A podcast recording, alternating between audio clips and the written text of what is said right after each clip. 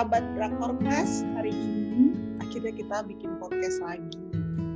Hari ini kita akan ngobrolin tentang Mr. Queen yang baru selesai uh, hari Minggu ya.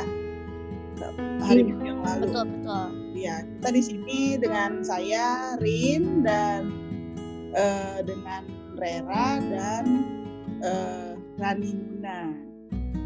Jadi sebenarnya yang nonton tuh ada banyak, tapi kita ngobrol bertiga aja dulu.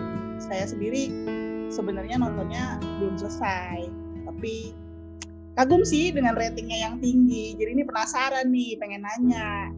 Kira-kira kenapa sih uh, bisa tuh ratingnya Mr. Queen tinggi banget gitu? Coba siapa dulu yang mau cerita nih? Uh, Yeah. Rera atau Rani Yes. Nuna? monggo Nuna Nuna dulu Kalau menurut aku rating ini tinggi karena apa ya? Mungkin pengaruh dari artisnya sendiri sih. Kalau kan di sebelumnya yang di drama sebelumnya itu dia sudah pinter main dari itu apa ya?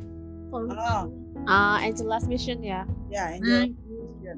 Nah, kali ini dia kan cerita sendiri kalau kali ini dia ingin memerankan drama yang pakai handbook kan di wawancara apa gitu mainkan itu. Nah, makanya semuanya karena itulah dia berusaha berperan sebaik mungkin dalam drama. Jadi ini Tapi- drama pertama yang eh, dia pakai handbook ya?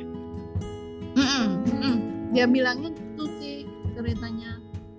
Yang sebelumnya kan suka pakai buku biasa gitu. Iya, eh, iya sih.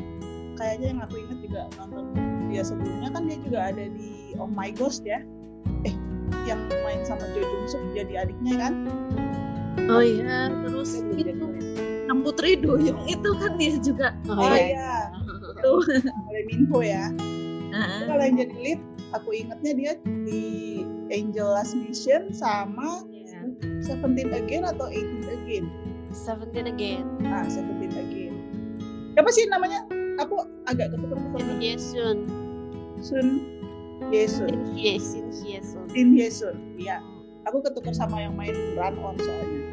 Sama-sama SS gitu depannya. ah Iya benar. Iya, kalau kalau Rera gimana kira-kira? Eh, Ah, ah. Rera kenapa tuh ratingnya tinggi banget? Eh, eh, selain karena memang eh, apa ya kemasan sakitnya unik ya kan biasanya serius kelam eh, apa ya menegangkan gitu ini Mr. Queen ini kan penuh penuh dengan apa ya kocak gitu dari mulai si apa soundtrack pembukanya yang teret teret teret tet Ah, iya, kayak iya, iya. gimana ya jadi bikin Comical ya. Ha-ha. Terus yang mulai apa di tengah-tengah itu ada musik-musik yang Omona, jeng jeng jeng jeng jeng jeng gitu. Lucu gitu, jarang maksudnya di di sagak-sagak lain tuh eh, gak jarang yang semeriah ini gitu. Ah. Pertama itu, yang kedua momennya juga memang Choi Jin Hyuk baru main Zombie Detective kemarin-kemarin yang juga eh, kocak gitu ya istilahnya. Jadi mungkin Ya. penonton juga penasaran lagi, wah dia main apa lagi nih di sini gitu kan. Terus juga iya, terus juga Hye Sun itu wah aktingnya jempol banget kayaknya layak nih dapat banyak sang soalnya dia langsung apa ya ngambil peran yang beda gitu terus ngambil peran yang sangat menantang sekali gitu seperti sekarang ini dari dia semacam apa ya semacam memerankan dua kepribadian tapi jadi eh, bisa gitu dia membawakannya dengan baik gitu Iya. Aku tuh kan nonton depannya ya. Waktu pertama tuh kirain Choi Jin Hyuk eh, leadnya malahan. Terus aku bingung katanya katanya Kim Jong Hyun ya, ya kan Kim, Kim Jong Hyun kan. Nah, terus aku bingung loh kenapa Choi Jin Hyuk gitu kan. Terus pas sampai ke eh, eh, apa namanya travel time ke zaman dulu gitu, aku langsung gini, oh oh gitu.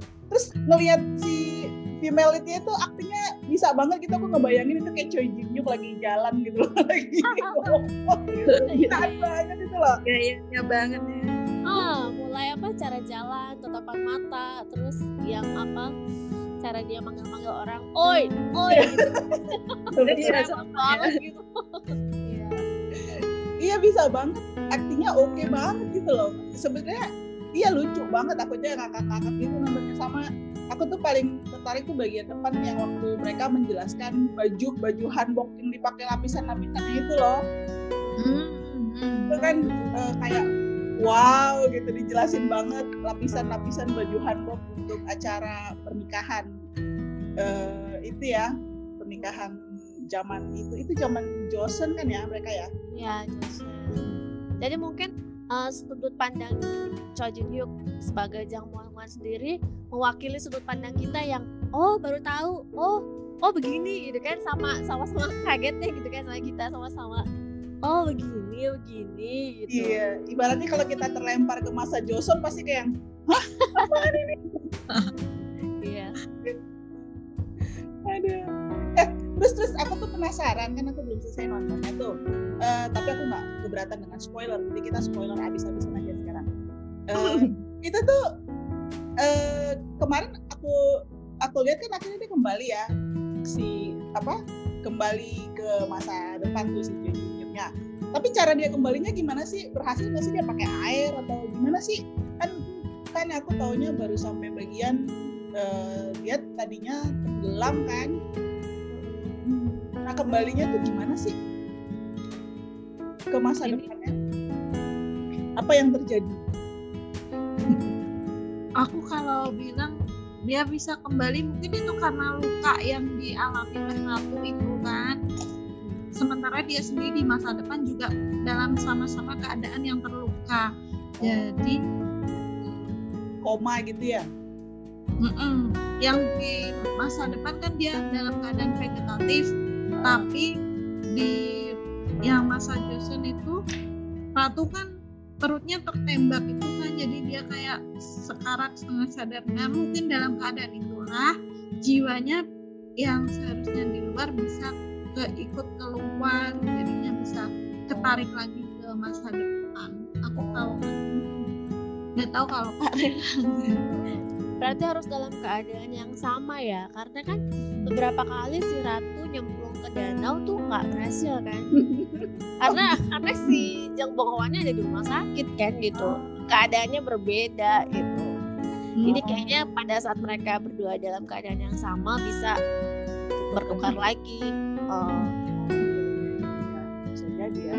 yang di episode berapa itu kan Jang Bongwan juga kembali ke masa depan sebentar kan cuma dia di masa depan itu vegetatifnya masih belum bisa yang ngapain cuma bisa melek. Oh itu ratu kan juga sama dalam keadaan vegetatif jadinya ketarik keluar ketarik keluar.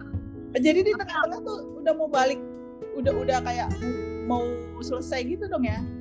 udah sempat iya udah sempat naik udah sempat kembali ke masa depan. Cuma kan ratu itu dikasih aku puntur sama tabib kerajaan kan jadinya dia kayaknya aku punturnya lebih kuat daripada medis di masa depan Keren. jadi aku sakit banget soalnya.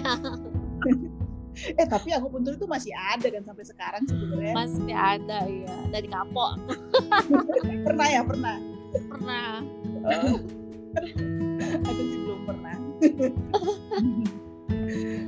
Eh, jadi jadi eh, dia udah pernah balik ke depan tapi bukan ga- bukan gara-gara masuk ke danau kan. Soalnya aku cuma lihat sampai bagian dia berusaha semua orang tuh kerjasama buat ngisi danau lagi.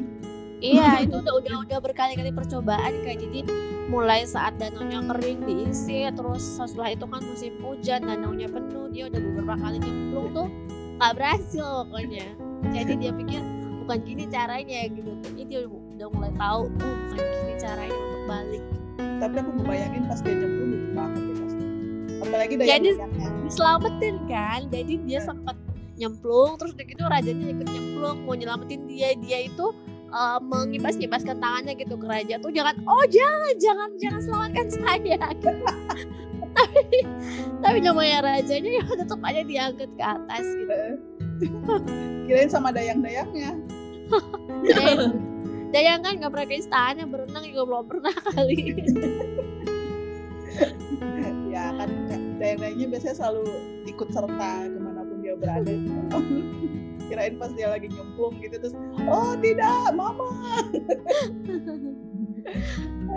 Iya itu dayang-dayang juga termasuk ikonik di sini.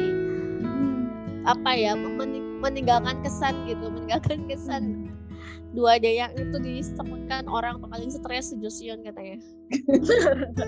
Menghadapi kelakuan mama. Itu si Dayang disamain sama siapa tuh yang eh, manajernya Kom Komunyong ah ya aku inget lihat meme yang itu iya. Itunya soalnya apa namanya bosnya bosi banget gitu. Aduh. terus eh, ing- aku ada lihat juga tuh yang ratunya lagi di dapur masak ramen. Dia masak apa lagi sih selain itu? Soalnya aku belum nonton habis itu. Ada masak-masak lagi nggak? Ada banyak scene masak-masak gitu nggak sih? Kayaknya Ada. apa ya kak? Yang eh, di jamuan kerajaan itu karena si Mm-mm. Wawan kan asalnya dia eh, chef apa Blue House ya? Royal Iya. Blue House. Jadi dia eh, apa ya kurang lebih ngerti lah jamuan di, di, di apa di tingkat level kerajaan ini harus menampilkan daging misalnya harus yang eh, apa ya harus yang ekstravagan gitu. Nah di- meskipun eh, bahan-bahannya seadanya kan saat itu ternyata bahannya disabotase ya Eh, dengan bahan-bahan seadanya dia bisa mengkreasikan eh, daging dari apa ya waktu itu kak Rani itu. Kacang. Kacang Nah. ya kacang kedelai eh, kacang merah ya? Kacang merah kacang merah kalau nggak salah. Kayak ya stick gitu kan.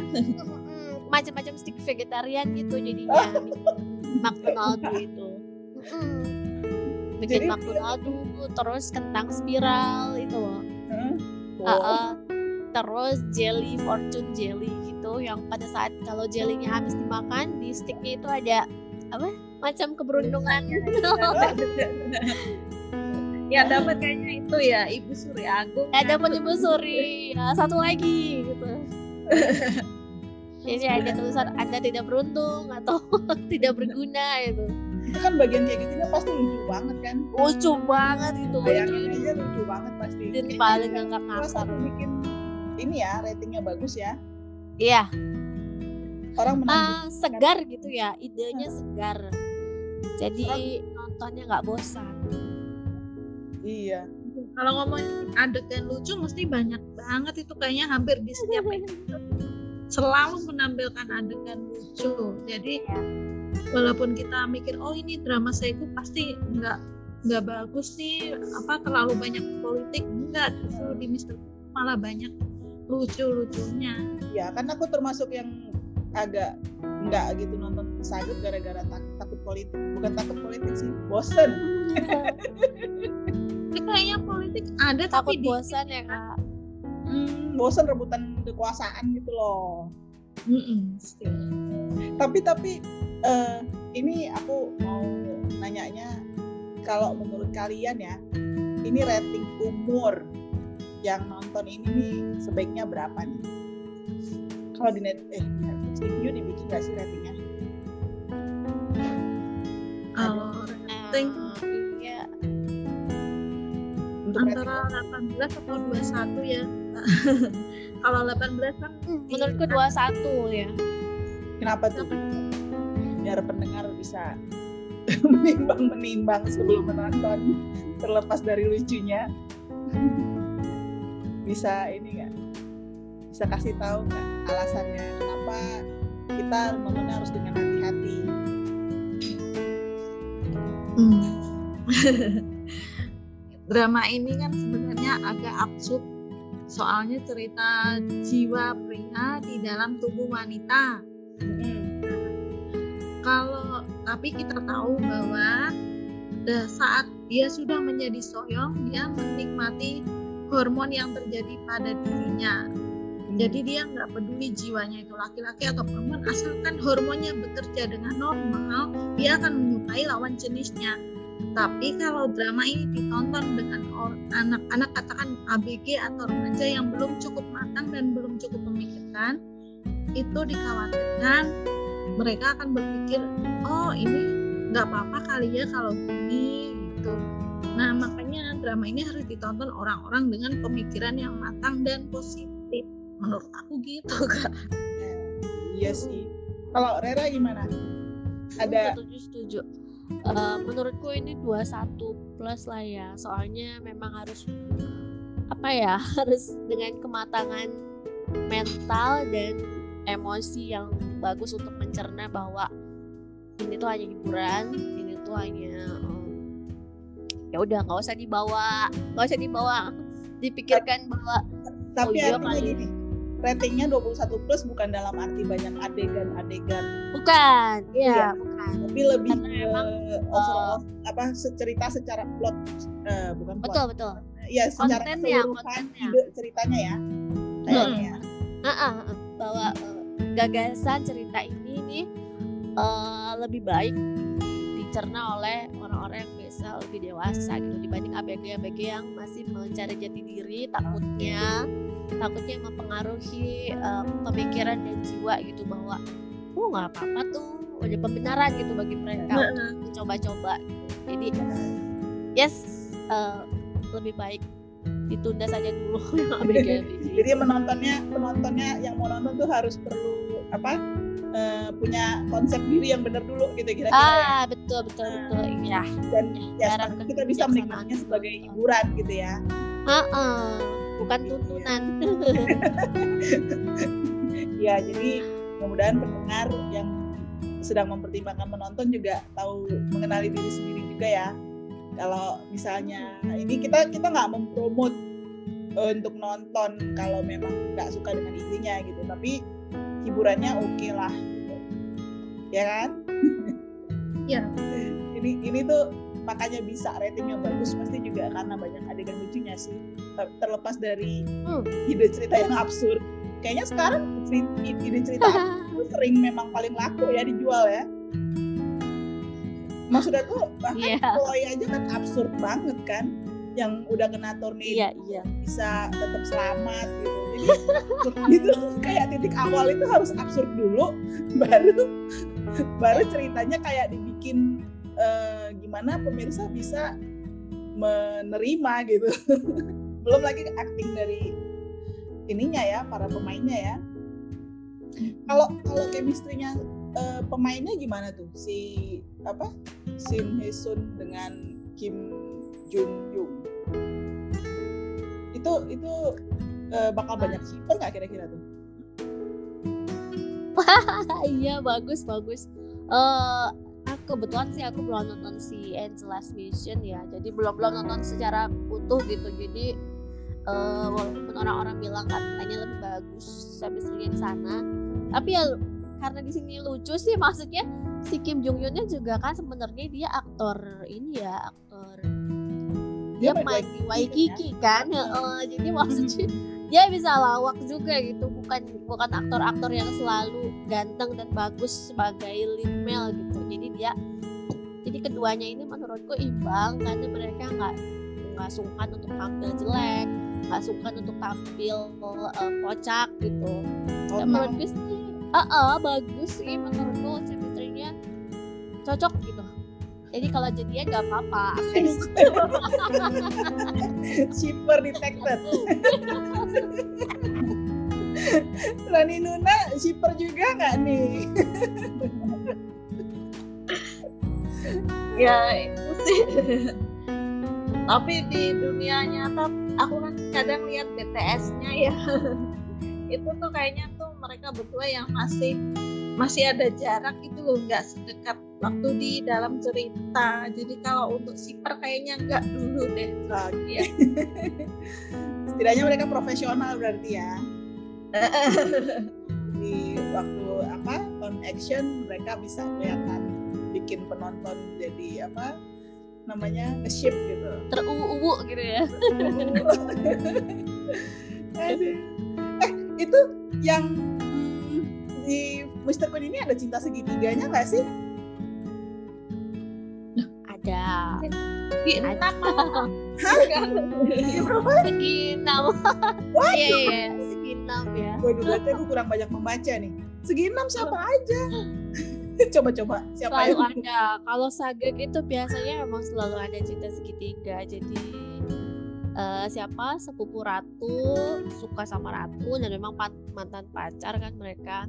Hmm. Terus selir Enbi itu suka sama raja dan mereka juga memang pacaran ya. Oh iya, Terus, selir. Ternyata eh, eh, si Pangeran Yongpyong itu suka sama selir juga. Oh, berarti tujuh ya Berapa tuh? lima Tapi happy Tapi endingnya buat siapa nih? happy ending buat Ratu dan Selir sama Pangeran akhirnya ini kok. Akhirnya mereka apa ya Jadi ada dua terkoneksi kampung. lah. Walaupun yes, walaupun kita nggak tahu mis itu jadinya gimana tapi kelihatan lah dari eh, mimik wajah dan sorot mata masing-masing si Pangeran dan Selir ini waktu ketemu lagi saling senyum gitu. Kelihatan lah endingnya gimana gitu mesti nggak diceritain. Pokoknya Sedangkan kita kalau dapat bonus aja ya. iya. Sedangkan kalau sepupu kan ya itu sad boy, masuk deretan sad boy. itu itu yang main siapa sih yang jadi sepupunya? Kemarin kayaknya Nah. udah baca. Nainbu gitu. Nainbu.